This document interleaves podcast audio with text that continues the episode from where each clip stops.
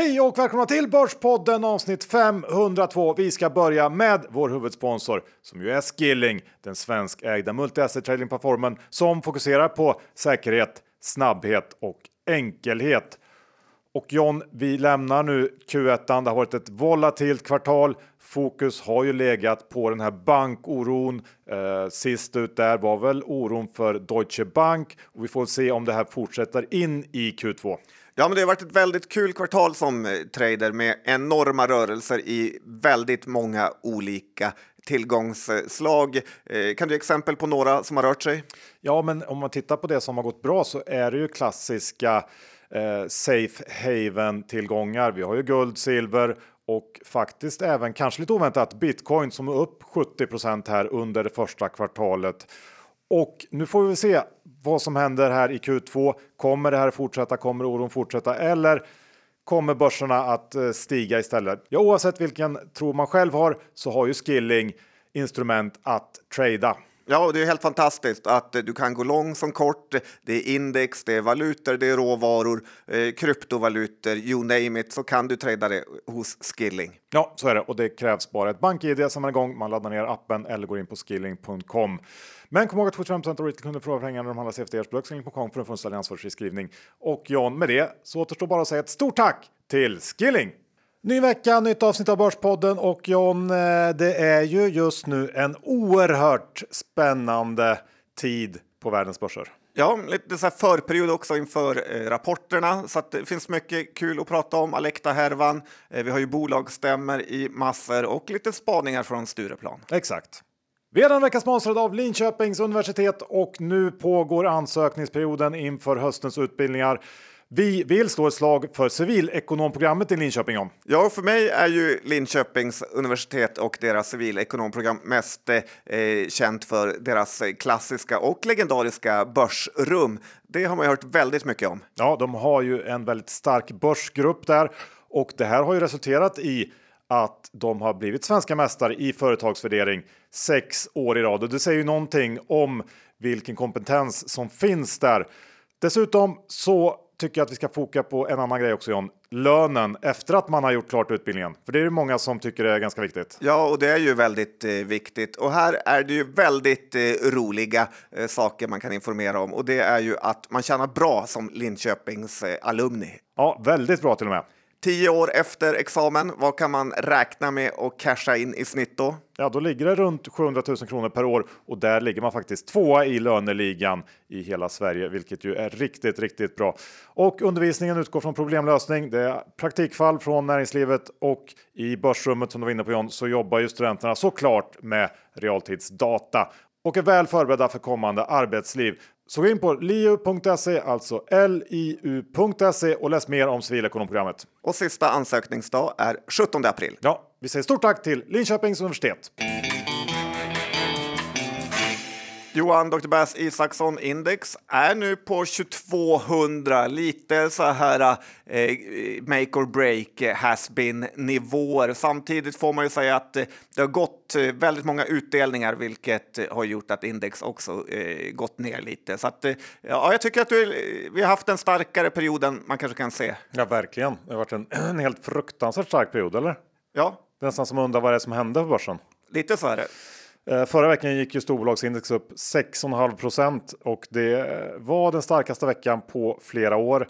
Eh, börjar ju bli hånad för det här eh, helvetet kommer snart bråka loss uttalandet nu känner jag i det. Ja, det har du faktiskt eh, fått en ja. hel del roliga kommentarer på. Men det lite förtjänar du det med eftersom du sågade ett dussintal aktier och index vid fotknölar. Ja, det, det stämmer ju.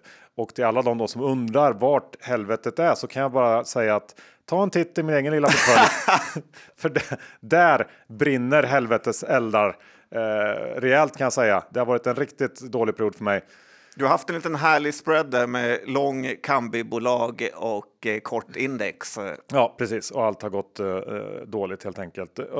Men om vi går tillbaka till börsen eh, och inte min lilla portfölj så förstår jag inte riktigt styrkan eh, och framförallt så får jag inte ihop det här med eh, att eh, om det nu är förväntningar på kommande räntesänkningar och eh, QE som driver det här så har jag svårt att se vad som ska tvinga Fed att stimulera så kraftigt om marknaden är så här stark.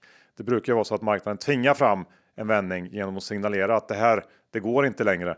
Och någon sån eh, situation är vi ju inte i närheten av. Så det blir väldigt intressant att se vart det här tar vägen. Men vi lämnar det och går över till det faktum att vi nu när Q1 är slut går in i vinstvarningssäsongen. En av mina favoritperioder. Ja, det brukar ju komma väldigt många roliga pressmeddelanden eh, på morgnar och kvällar och man är lite så där livrädd just den här perioden att något av ens egna bolag ska vara med. Ja, men exakt. Och i detta nu så sitter det då massor av ekonomiavdelningar där ute och pusslar ihop siffrorna för det första kvartalet. Jag gissar eh, som sagt att det kommer en del varningar kommande veckor här och först ut var faktiskt SAS-bolaget Upsales som i måndags. Eh, det var väldigt snabbt gick ut med en sån här ARR-uppdatering. Det var kanske inte en, en, en regelrätt vinstvarning, men eh, de gick ut med en ARR-uppdatering för Q1 som inte alls föll marknaden i smaken. Eh, aktien föll med nästan 18% på det här beskedet och det var då att Upsales minskar sin totala ARR under Q1 jämfört med nivån. Och det står för? Ja, det står då för Annual Recurring Revenue och det här var då faktiskt första gången i bolagets historia som eh, Eh, Eh, ARR då har minskat eh, sekventiellt kvartal över kvartal. Och vi får se om det här är bolagsspecifikt för Upsales eller om det är marknaden som på något sätt har förändrats. Eh, för i så fall så är det kanske lite så att svagheten i ekonomin går in i delvis en ny fas där nya branscher drabbas. Så här långt har det framförallt varit konsument relaterade bolag som haft det tufft. Vi får se, det blir spännande. Ja, och Upsales är också ett sånt här bolag som relativt nyligen kommit in på börsen med. Ja, så är det. Sen har vi ju eh, någonting som verkligen är intressant att följa nu och det är ju alla eh, avtalsrörelser, löneökningar. Hur kommer det att eh, falla ut och eh, hur kommer det sen i sin tur påverka inflation och så vidare? Ja, och eh, här tycker jag man ska vara ganska så positiv, för nu kommer ju alla lönehöjningar eh, för hela världen och inte minst eh, Sverige. Och jag tycker många har glömt bort det här, att det faktiskt kommer kompensation för höjda priser samtidigt som folket vant sig med höga priser och eh, som nu faktiskt börjar falla tillbaka lite eller i alla fall sluta öka. Eh, sen kommer ju mycket av lönehöjningarna retroaktivt med, eh, vilket gör att man kommer få en liten klumpsumma förmodligen på aprillönen. Så även om man i grund och botten inte fått det bättre utan snarare kanske lite sämre så blir det ju så att alla nominella belopp höjs med tidvattnet och bolagen tjänar lite mer och aktiekurserna blir högre och utdelningarna blir högre, men levnadsstandarden är ungefär samma. Eh, sen får man ju heller inte glömma bort att eh, när det kommer såna här inflationssiffror på typ 10 procent eh, så kommer ju det från prishöjningar, vilket betyder att bolagen kommer att visa en tillväxt på ja, då cirka 10 procent. Så att på lite längre sikt tror jag att det här är bra för börsen. Ja, mm, det kan man tycka. Uh, för också det här med 10 procent får man ju se det också som någon slags nollnivå. Att där ska man ju vara för att ens ligga still i princip. Lite så är det ju. Ja, man inte glömma bort. Du, sen fortsätter ju turerna i Alekta härvan. Eh, nu senast då så väljer man att sparka.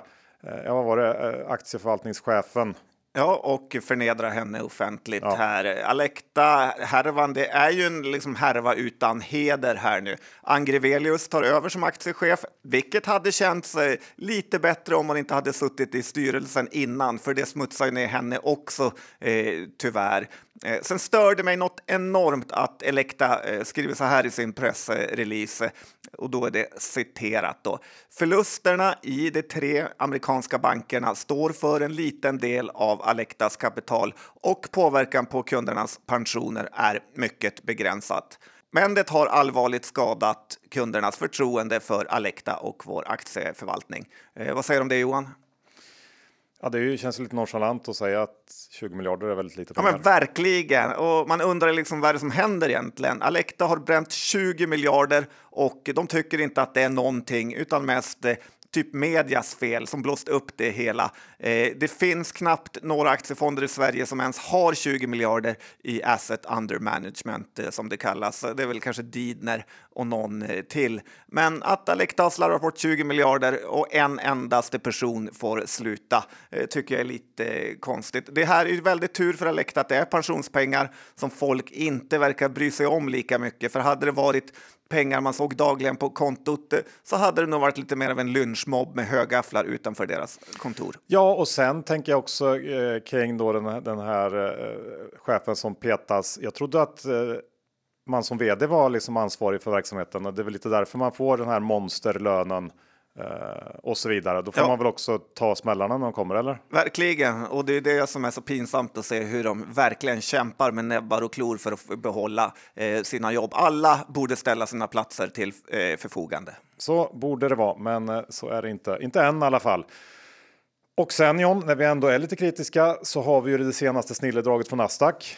Berätta eh, hur de ska såra oss ännu mer. Nej, men det är ju det här med att helt enkelt upphöra med löpande handel i de bolag med lägst omsättning. Eh, och istället ska det då bli ett auktionsförfarande, alltså en call, eh, fem gånger per dag. Eh, och för inte så länge sedan så testade Nasdaq att köra någon slags kombination av det här, en löpande handel plus en dagskål i en del bolag och det blev ett fiasko. Och jag har ganska svårt att se hur den här lösningen ska kunna bli en succé. Och på det stora hela tycker jag det känns som att det börjar bli ganska rejält snurrigt där borta på Nasdaq nu. Det känns som att man har tappat bort varifrån man kommer och varför man ens finns till. Jag har lite grann tappat hoppet när Det känns lite som att lyssna på och prata med politiker på något sätt när de berättar om varför de gör olika saker. Och kanske är det så att det stora misstaget det gjordes när man lät Nasdaq köpa OMX 2007. Eh, för efter det så har det, om man ska vara ärlig, bara gått ut för tycker jag. Ja, men det har det gjort och det börjar bli för mycket konstiga tjänstemän som hittar på eh, för dåliga saker och eh, det förstör mer än det tillför. Jag tycker vi kan titta lite på det som hände i USA, Johan, när vi ändå är inne på att gnälla på eh, folk som sårar oss småsparare. Och jag vet inte om du läste det, men Mary Lynch som tillhör Bank of America fick böta 100 miljoner kronor ja, till amerikanska finansinspektionen för att de varit så otydliga med hur eh, de har tagit ut valutaväxlingsavgifter. Och jag kan tycka att det är rätt patetiskt hur svenska FI återigen visat eh, hur lite man brytt sig om de svenska småspararna och eh, Erik Thedéen och gänget sjunker ännu mer i min bok. Eh, den kanske största kritiken som funnits mot eh, de svenska nätmäklarna har ju varit att de faktiskt lite grann dolt och tagit ut alldeles för höga växlingsavgifter när man handlar utländska eh, värdepapper. Eh, sådana saker som att eh, om du köper och säljer i samma aktie på samma dag så växlas inte nettot utan varje affär. Många sådana små grejer som verkligen har varit negativt för eh, småspararna. Och om FI hade den minsta tanke på att tänka på det svenska folket eh, så hade jag varit glad. Men Erik Thedéen som varit vd för Nasdaq Eh, har ju byggt eh, en sån här småspararhatande organisation. Och nu är man ju orolig för hur inte bara småspararna ska drabbas utan eh, hela det svenska folket nu när han sitter vid rodret på Riksbanken. Det kan man ju vara orolig för och då undrar jag hur liksom vindarna blåser nere vid svampen, Stureplan. För där har du varit och jag vet inte, lynchat kanske är ett starkt ord, men du har varit där och snokat i alla fall. Ja, men det har varit eh, lite spaningar från Stureplan. Jag var ju på det som kallades för Penser Friends i torsdags, eh, eh som är ju då att eh, Penser Bank samlar lite härligt Ett rövgäng folk. samlas. Och... Ja, men, jag tänkte det härligt folk är kanske lite fel. Ja, det är nog fruktansvärt fel. Va? Mer åt profilhållet eh, kan man ju Inverterat härligt folk. Ja, du får följa med någon gång Nej, Johan. Men deras lite bättre kunder antar jag som är på ett mingel då. Och något företag brukar få presentera sig. Och det jag faktiskt gillar med Penser Friends är ju att det är så långt ifrån Avanzas wraps man kan komma. Eh, den här gången var det ostron och champagne och lite annat härligt plock. Ja, Kaffe och stänk fruktansvärt tondövt. Kaffe och stänkare efter, egen kock eh, på Mitt plats. Såklart. är liksom den värsta krisen sen finanskrisen så ska man, då är det ostron och champagne och grejer. Ja. Dr. Haspin var inte så arg nu. Eh, nej, men en gång hade de ju bilsimulatorer och en annan gång var Surgical Science där och man fick eh, provoperera i deras eh, operationssimulatorer. Eh, Tyvärr har jag för mig att jag och Capital dödade flera eh, patienter den gången. Eh, hur som helst, det, det, är många profiler där och eh, roligt att snacka med dem. Denna gång var det Källebo. Eh, han var där, Fredrik Crawford var där, Gerhard Dahl var där, Pelle Vasilis var där, Per och Börjesson var faktiskt där. Eh, många bra stories delades ut. Komma runt och liksom prata med hur man ska kunna sko sig som mest. liksom, var finns nästa möjlighet att sko ja, sig? lite så är det eh, ändå eh, det börsen går ut på. Ja, eh, men det är ändå hemskt. Ja, nej, men grejen skulle jag säga är att det känns inte direkt som att det går någon jättenöd på Stockholms finanselit direkt och det verkar finnas mycket torrt krut där ute och även att det börjar komma lite såna här vårblommor i form av bolag som knoppar upp och faktiskt vill noteras trots att det var lite bistert klimat. Och då tror jag faktiskt att man ska vara med. För till skillnad från under 2021 där det kom in enorma mängder skräp eh, till börsen för att marknaden sög i sig allt, eh, så är det bolag som noteras nu eh, kan vara något av det stabilaste man kan komma över, är min erfarenhet. Att ju sämre period man noteras i, desto bättre bolag. Ja, det har du nog rätt i och då passar det kanske bra att gå in på morgonens nyhet där när vi fick beskedet att den här spacken Allegro Planet ger upp sitt letande efter bolag att förvärva och alla aktieägare därmed får tillbaka sin satsade hundralapp. Det här är ju den första spacken att lämna tillbaks pengarna och det är nog inte den sista heller. Spackarna på Stockholmsbörsen har ju inte gjort något större avtryck. Ett par av de mindre har genomfört förvärv, men i det stora hela så verkar det här bli en parentes i Stockholmsbörsens historia. Eh, och det jag vill lägga till här är väl att sättet vi här i Sverige har hanterat det här eh, verkligen är att föredra jämfört med vad som hänt i USA där många spackar har utvecklats till monsterhärvor där aktieägarna förlorat väldigt mycket pengar. Då är det mycket bättre att göra som APAC gör i det här fallet idag. Lämna tillbaks pengarna om man inte hittar något vettigt att köpa. Ja, men all heder till dem faktiskt. Vi har den vecka med oss vår exklusiva fondsponsor Fidelity. Rickard, välkommen tillbaks till Börspodden. Tackar. Mars månad blev ju väldigt stökig efter konkursen i SVB och Credit Suisse som togs över av UBS. Hur ser ni på Fidelity på marknaden framöver? Ja, mycket har ju hänt eh, under de här eh, senaste veckorna sedan jag var här sist. Eh, först om vi börjar med att tala om banksituationen så har vi sett att det varit mycket diskussioner om de här så kallade AT1 obligationerna eller Coco Bondsen. Eh, och där håller ju frågorna på att redas ut, eh, men det kan ju ta en ganska lång tid. För mycket det marknaden talar om är ju vem är det som sitter på alla de här obligationerna. Sen har vi inflationen som håller i sig och framförallt också den låga arbetslösheten och det här gör ju då att centralbankerna fortsätter med de kraftiga räntehöjningarna trots bankoron. Vi trodde att det skulle bedarras något där. Vi hade ju både Fed och ECB som höjde här i mars och eh, vi får ju undra ställa oss frågan då vad Riksbanken gör nu här eh, senare i april. Vi började dock se att bolagen tar ner estimaten i sina prognoser samt att många varsel har ju också nu inkommit under den senaste tiden. Och Q1-rapporterna för 2023 börjar ju nu rulla in så det ska bli väldigt intressant att se hur de här ser ut då globalt sett. Så vi tror att det kommer att vara stökigt ett tag till innan vi eventuellt ser ljuset i tunneln. Så med det får man väl säga att, att det är tur att våren är på väg. Så från oss på Fidelity vill vi önska er alla där ute en glad påsk också. Just det, och eh, då har ni också tagit med er en liten påskpresent till en av våra lyssnare och eh, den har man en chans att vinna om man retweetar avsnittslänken till det här avsnittet på Twitter. Så gör det för att vara med och tävla om en påskpresent från Fidelity.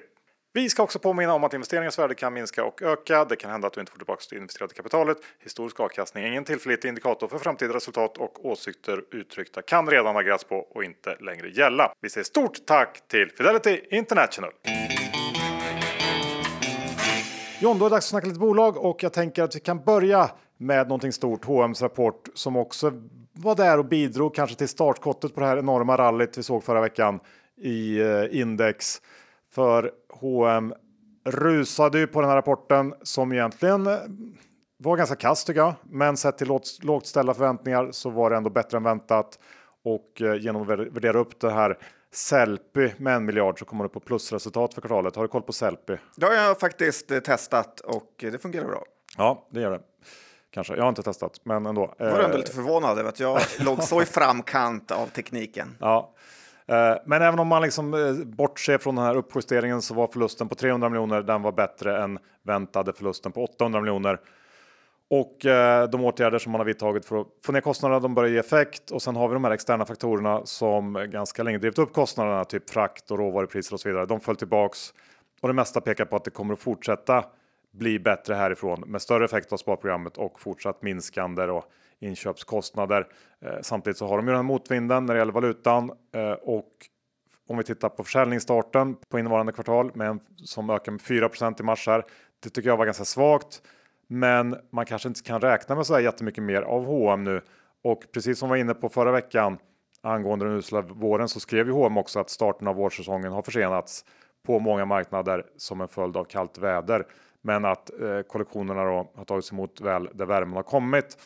Så att i det stora hela så reagerar ju börsen väldigt positivt på det här. Aktien upp ja, över 20 tror jag sedan rapporten släpptes.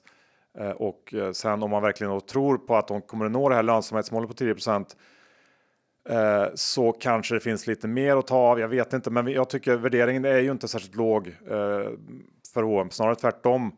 Eh, det är P en bit över 20 i år och strax under 20 nästa år om man kollar på vad analytikerna tror. Och eh, mycket mer än så kan man väl inte hoppas tycker jag på för ett bolag som växer typ i linje med BNP. Eh, ja, det är min syn. Jag har svårt att känna någon jätteattraktion eh, när det gäller H&M. Ja, jag har svårt att förstå varför man ska tro på det 10 marginalmålet när de... Ja, det gör väl inte konsensus heller riktigt. Nej, samtidigt 5 eh, av aktierna har varit blankade i H&M. De har återköpt egna aktier. Eh, familjen Persson köpte en miljon aktier här, kom det ut igår. Så att det, det är ju lite sådana här, eh, vad ska man säga? Tekniska faktorer som Ja, exakt, påverkar. som gör att det är svajigt och H&M har ju historiskt varit en väldigt svajig aktie under rapportdagar. Så att ja, man vet aldrig vart det här slutar, men det är inte alls omöjligt att den kommer sjunka tillbaka närmsta tiden. Det är nog mitt främsta bett. Det tror jag också. Och jag tänkte nu när H&M kommit så kollade jag faktiskt lite grann på RVRC, alltså Revolution Race. Um, den aktien har ju tappat från drygt 40 efter sin Q2 som de rapporterade i slutet av januari till drygt 30 kronor idag. Eh, många är ju skeptiska till det här bolaget, inte minst jag. Kanske du också, jag vet inte John? Ja, jag är väldigt skeptisk. Jag eh, har sett deras byxor med fickor överallt. Tyget känns eh, Eh, lite grann som att man har sett på eh, hård flaggtyg på eh, byxorna. Många blixtlås också? Det? Ja, och väldigt många blixtlås eh, och väldigt många så här förstärkningslappar som sitter på knäna Men, och ja, vid fotlederna precis. och så vidare. Men med det sagt så är det ju väldigt många som uppskattar den här typen av eh, byxa och eh, kläder i allmänhet. Ja, det har ju varit det under en period. Vi får se hur länge det håller i sig. Och jag tror också det är så att vi är inte ensamma om att vara skeptiska. Men i den skepsisen så finns det ju också någonting som heter potential. Om det visar sig att vi och många andra har fel. Uh, och... Oj, vad förnuftig du var nu. ja, Läste, lite... lyssnat på en ny podd eller bok eller något. Var det lite av en präktpojke som tittar fram? Andra sidan av myntet. Ja. Nej, men eh, RVRC har ju haft en lite svajig tillväxt de sista kvartalen. Uh, om vi går tillbaka så här de tre senaste så var det 16 procent. Sen så var det 8 procent och nu senast eh, hela 30 procent. Men då i samband med den senaste rapporten så guidar man för att innevarande kvartal kommer att bli svagare. Formuleringen var ju att under slutet av det andra kvartalet samt inledningen av det tredje kvartalet, alltså det kvartal som kommer att rapporteras nu, så noterar vi lägre försäljningstillväxt än för andra kvartalet i sin helhet. Och den här guidningen eh, ligger väl bakom en hel del av aktiens svaghet på slutet här. Men om man skulle lyckas överraska så tror jag att det finns en hyfsad studspotential i den här aktien som dessutom inte är särskilt dyr. Eh, den handlas ju till lägre multiplar än vad H&M gör till exempel. Eh, så att sen så ska man också ha med sig att under förra kvartalet så tyngdes ju lönsamheten av marknadsföringskostnader. Jag tror att det var den här satsningen på Philip Lam, den tyska gamla fotbollslegenden. Delvis. Ja, vad var det vi kallade vid fel namn? Vi och vi, du gjorde väl det? Vad sa jag? Jag vet inte vad du sa, Fredrik Lam eller Karl Lam kanske? Karl ja, tror jag. Ja, Karl Lam var det. Ja. Mm. Men Philip ska det ju vara. Och det var väl lite av en engångspost på något sätt och de hade även något incitamentsprogram. Han fick jättemycket byxor gratis. Ja, delvis. Eh, ja. Eh, de har något incitamentsprogram som eh, kostar 8-10 miljoner tror jag. Eh, och ja, saker som inte kommer komma tillbaks i det här kvartalet. Och sen så har vi en faktor till som jag såg som sannolikt har pressat aktierna på slutet och det är, det är ju att Robur som är tredje största ägare och, och som i slutet av förra året då, satt på nästan 8% av aktierna i mars flagga för att man gått under 5% av aktierna. Så där har de eh, legat och pumpat ut aktier. Eh, men sen så har ju fortfarande den här rädslan i bakhuvudet att det här är en fluga och att det väldigt snabbt kan börja gå betydligt sämre för det här bolaget. Ehm, men frågan är ändå om det kan vara värt en chansning inför Q3 som kommer 9 maj. Jag tycker ändå att det är ett spännande läge eh, här nere kring 30 spänn. Ja, kortsiktigt vet man ju aldrig, men det finns ju som sagt några långsiktiga saker jag verkligen inte gillar med det här. De är väl också ett av bolagen med absolut högst bruttomarginal kring 70 procent där, så lite känns det som att man blir lurad när man köper deras saker. Och jag måste ändå säga det här med att man skyller på marknadsföringskostnader. Är man ett bolag utan butiker, eh, du kommer alltid behöva marknadsföra dig på ett eller annat sätt. Så det kommer alltid återkomma eh, nya marknadsföringskostnader. Så man kan inte bara räkna bort dem som Nej, engångskostnader. Så är det, så är det verkligen. Ja, det, det var det om Revolution Race. Har du köpt några aktier? Nej, det har jag inte gjort. Men eh, ja, jag tittar på det och eh, just med då H&M's eh, enorma reaktion i bakhuvudet så valde jag att se lite mer det positiva. Ja, men det kan vara kul rapporttrade. Kanske, kanske.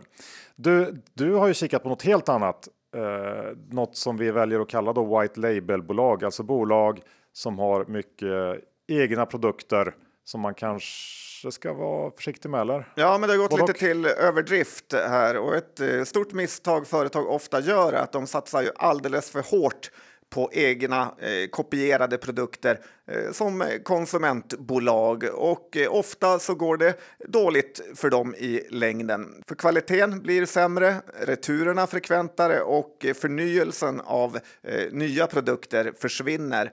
Titta på NetOnNet som var bland de första med egna produkter. Ja, man glömmer inte bort deras Andersson-linje. Nej, men de valde ju premiumnamnet Andersson där och det ligger ju lite en skam över att äga en sån produkt. Jag tror jag köpte som student köpte jag nog en del Andersson-grejer, för det var väl liksom det som pengarna räckte till. Ja, men eh, då får man verkligen rikta in sig på eh, lågprissegmentet. Eh, vi har också Clas Olsson som har väl gått ner sig genom åren här till att bli plastigare och plastigare och fokuserat alldeles för mycket på eh, egna eh, white label eh, produkter.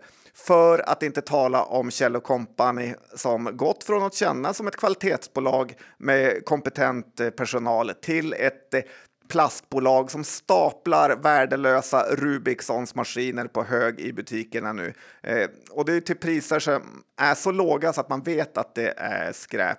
Du vet, eh, känner du till de här maskin- maskinerna?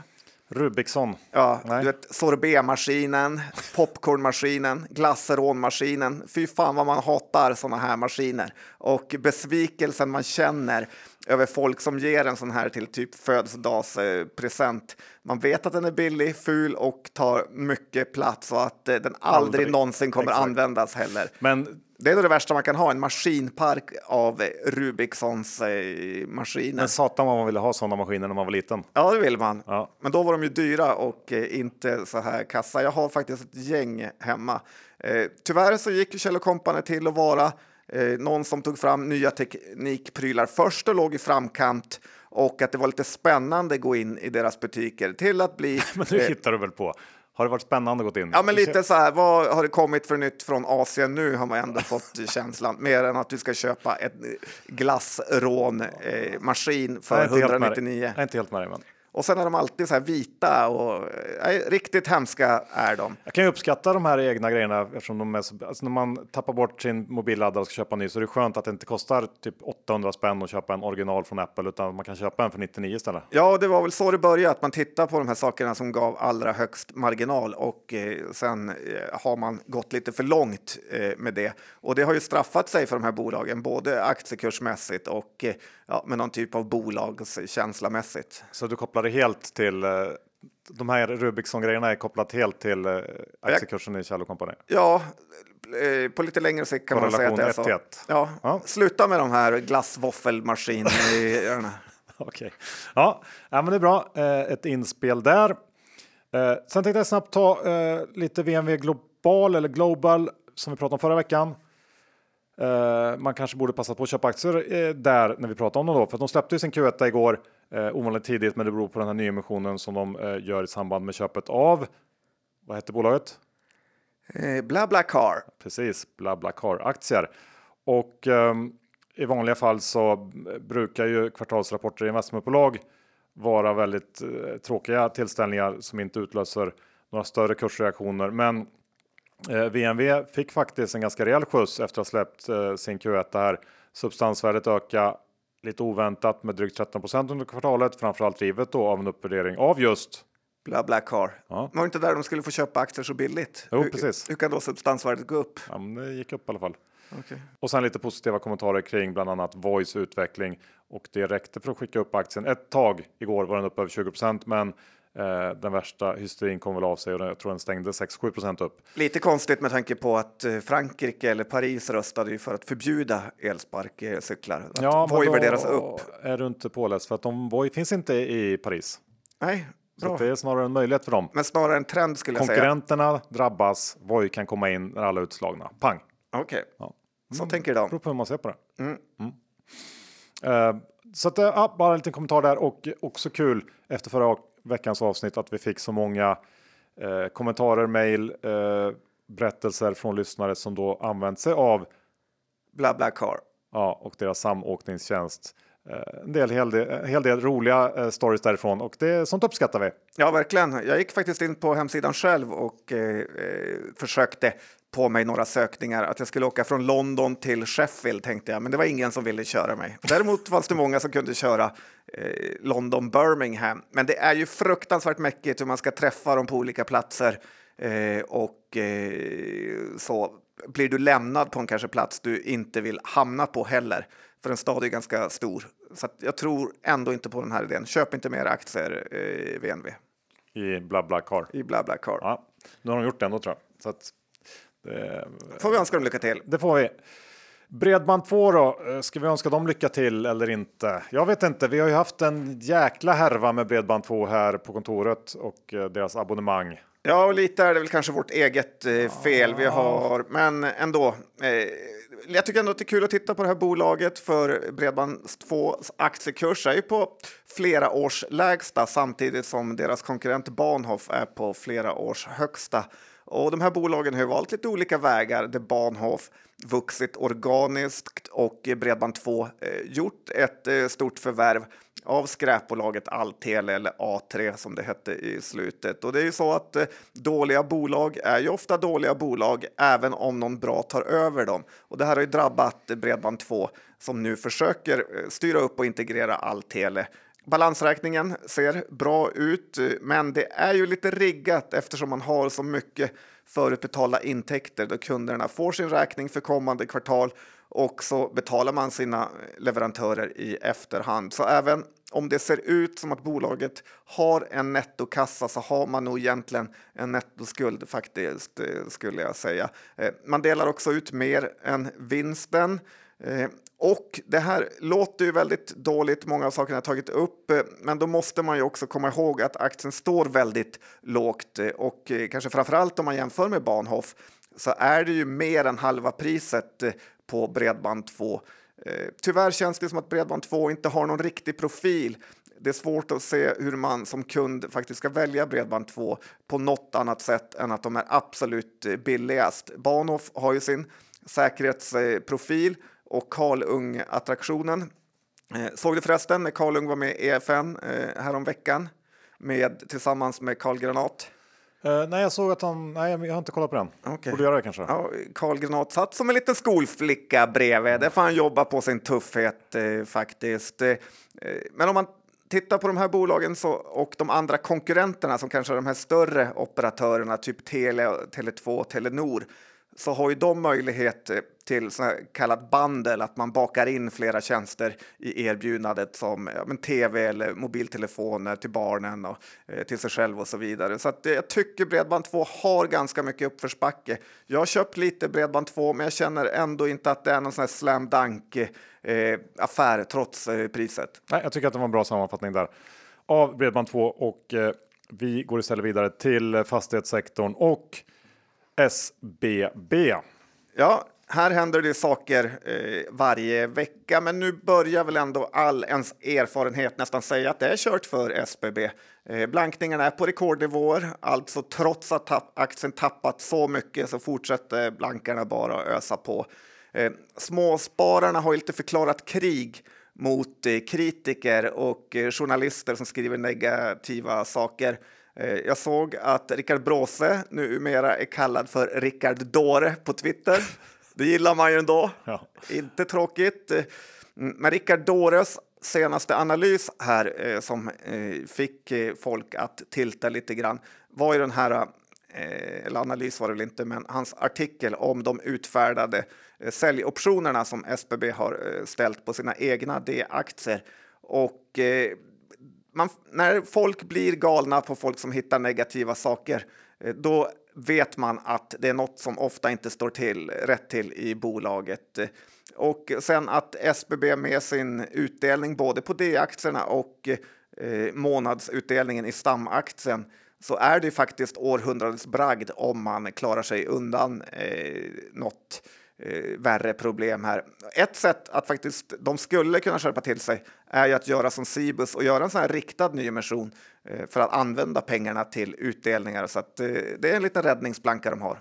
Ja, eh, så kan man ju göra, även fast inte rätt. Det är inte rätt. Nej. Vad är rätt att göra i Norva 24 då? kan man fråga sig. Ja, men det här är lite grann som Shutter Island för mig. Att jag börjar undra om jag är med i ett galet spel av något slag eller om det är jag som är galen själv. Eh, har du sett den filmen? Ja. Leonardo. Ja, men för, för Norva 24 har ju enligt mig precis alla såna ingredienser för att bli nästa katastrof på börsen. Men av någon konstig anledning så verkar analytikerna gilla det här bolaget. De är högbelånade, det är norskt, det kom in på börsen under slutperioden av håsen och det är ett bolag som älskar att redovisa i ebitda. Och inte nog med det så har vi även de här grejerna att storägarna säljer. Sverige-vdn har nyligen avgått, vdn för hela koncernen eh, kommer avgå och alla har såklart hittat nya eh, intressanta utmaningar, men man får snarare en känsla av att de inte vill vara med när shit hits the fan, Johan. I dubbel bemärkelse kanske i det bolaget. Ja, men, men, eh, Det var meningen. och eh, ja, kul. Och Jag blir liksom, ah, det är alltid tråkigt när jag berättar, säger en kul skämt och du bryr dig inte. Nej, men jag tänkte lägga till en grej. Jag har för mig också att de har varit ganska aggressiva eh, rent. eh, Jag för mig att prata om dem för ganska länge sedan och att direkt kom det ett surt mejl. Ja, att jag inte fattar någonting. Ja, Men nu är aktien i 27 och vi får se vart den tar vägen. Men jag kanske tror inte upp. varningstecken Eh, med sådana eh, grejer. Ja, Men verkligen. hur vi går över till nästa. Det är mycket härvor känner jag i det här avsnittet. Vestum är ju en till härva eh, där det har hänt grejer i veckan. Men det har vi verkligen varnat för sedan aktiens begynnelse. Ja. Conny Ryk. Ja, eh, precis. Och igår då så meddelade ju Vestum att de då avyttrat 20 av de 25 bolag som tidigare ingick i det här Lakers Group som man köpte i slutet av 2021. Det var ju ett ganska stort förvärv, eller ett jätteförvärv får man säga. Då betalar man 2 miljarder för hela den här gruppen som eh, då omsatte 1,2 miljarder och tjänar 150 miljoner på ebitda-nivå.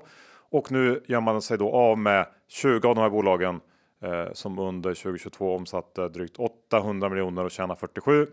Och för det så får de 326,5 miljoner betalt. Eh, Vestum behåller då förvisso de största och enligt dem själva mest lönsamma bolagen. Men det här Lakers-förvärvet blev med facit i hand en fruktansvärt dyr och väldigt, väldigt misslyckad historia får man ju säga ändå. Ja, det är svårt att säga något annat. Ja, det är det va? Um, å andra sidan, om jag nu ska försöka vara lite så här, se bägge sidor av myntet, så är det ju antagligen lika bra att rycka det här plåstret nu, ta smällen.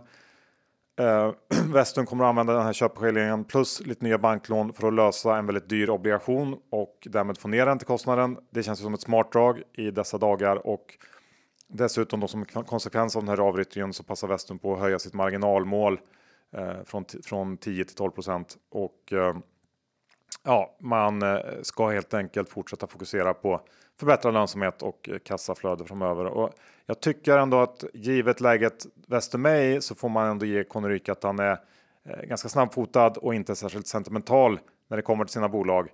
Eh, vilket i det här läget är väldigt bra. Sen är det ju fortfarande väldigt mycket upp till bevis för det här förvärvsbygget när det gäller hur man kommer att klara av sämre tider.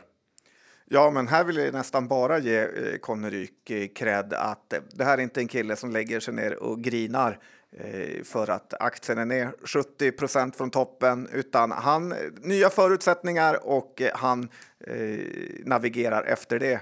Ja, lite grann som i Robinson. Han visste inte om att räntan skulle skena och att det skulle bli krig och eh, alla möjliga härver när han gjorde förvärvet. Men nu när allt har hänt, ja, då är det som i Robinson. Nya förutsättningar, bara agera därefter. Är Robinson. Jag kommer inte ihåg det. Ja. Att eh, de, programledaren kom in och så sa han helt plötsligt nya förutsättningar. Jag har glömt bort. Okej, okay. mm. titta för lite på tv Johan. Ja. Cloetta då, är det nya förutsättningar där? Det är det väl lite granna skulle man kunna säga. Det är ju påsk nu, käkas det mycket godis. Men Cloetta har haft väldigt... Eh, Cloetta är inte missnöjd att påsken finns. Det är de inte. De hade varit eh, väldigt sura om inte Jesus dog just då. eh, nej, men så här. Det är ju anledningen till att vi också tar upp den är att utdelningen skiljs från aktien idag efter att de haft eh, bolagsstämma igår. Eh, och de har också haft några svåra år med pandemin och lösgodishärvan och eh, det här förvärvet de gjorde av ett annat lösgodisbolag. Men i den här senaste börsuppgången vi sett så börjar Cloetta faktiskt kännas relativt billigt. De har 4-5 procent i direktavkastning, P-tal kring 10-11.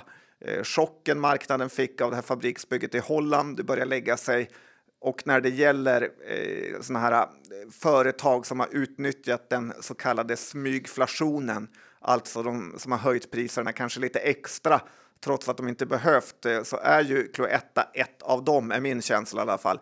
En kexchoklad kostar nu kring 8 kronor efter att under en tioårsperiod kostat 5 kronor. Eh, och det är inte så att man bryter ihop för att eh, kexchokladen har stigit lite i pris, utan nästan så att man gillar den lite mer när den inte är gratis, att det andas lite mer kvalitet. Då. Är du den som följer kexchokladutvecklingen närmast i Sverige? Liksom? Det är det faktiskt. Svårt att, jag kan inte ens tänka mig att någon går runt och tittar lika mycket. Nej. Jag har kanske fotat hundra skyltar med olika kexchokladpriser. Eh, så det kanske kan bli en liten så här bok, eh, coffee table book. Eh, men jag har köpt ett gäng Cloetta i alla fall som jag tänker ha tills den når 24-25 kronor är min tanke. Så kanske kan man få ett litet uppställ under påsken. Tycker att, att spontant att det är ganska äckligt godis under påsken, att man borde kunna göra någonting med det. Lite bättre. Vad vill du ha? Du... Godare godis.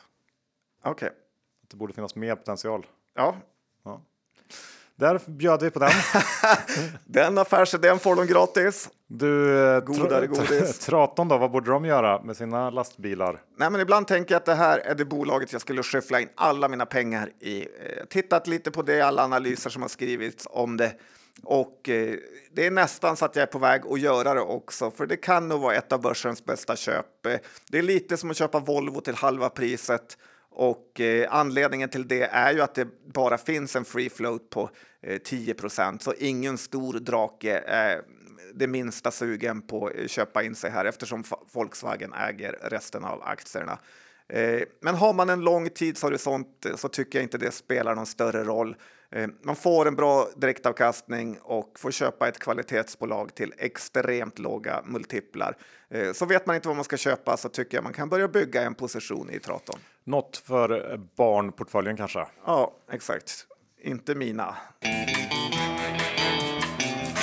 Slut på avsnitt 502. Vi säger stort tack till vår huvudsponsor Skilling. Se till att ha ett konto igång om ni inte redan har det. Nu uppstår ju lägen var och varannan minut höll jag på att säga och eh, då vill man kunna vara redo att trada när som helst, var som helst. Verkligen. Öppna ett konto på skilling.com eller ladda ner appen. Ja, men kom ihåg att 75 av retailkunder förlorar pengar när de handlar besök skilling.com för en fullständig förskrivning. Och John, hur är det med innehav idag? Ja, men jag har lite Bredband 2. Jag har eh, Cloetta. Ja. Och eh, du då? Ingenting. Ingenting? Bra. Du har slutat med aktier? Ja, Ja, ja, och det känns väldigt, väldigt skönt. Trevligt. Ja, så är det med det. Tack för att du lyssnade. Vi hörs om veckan igen. Hej då! Det gör vi.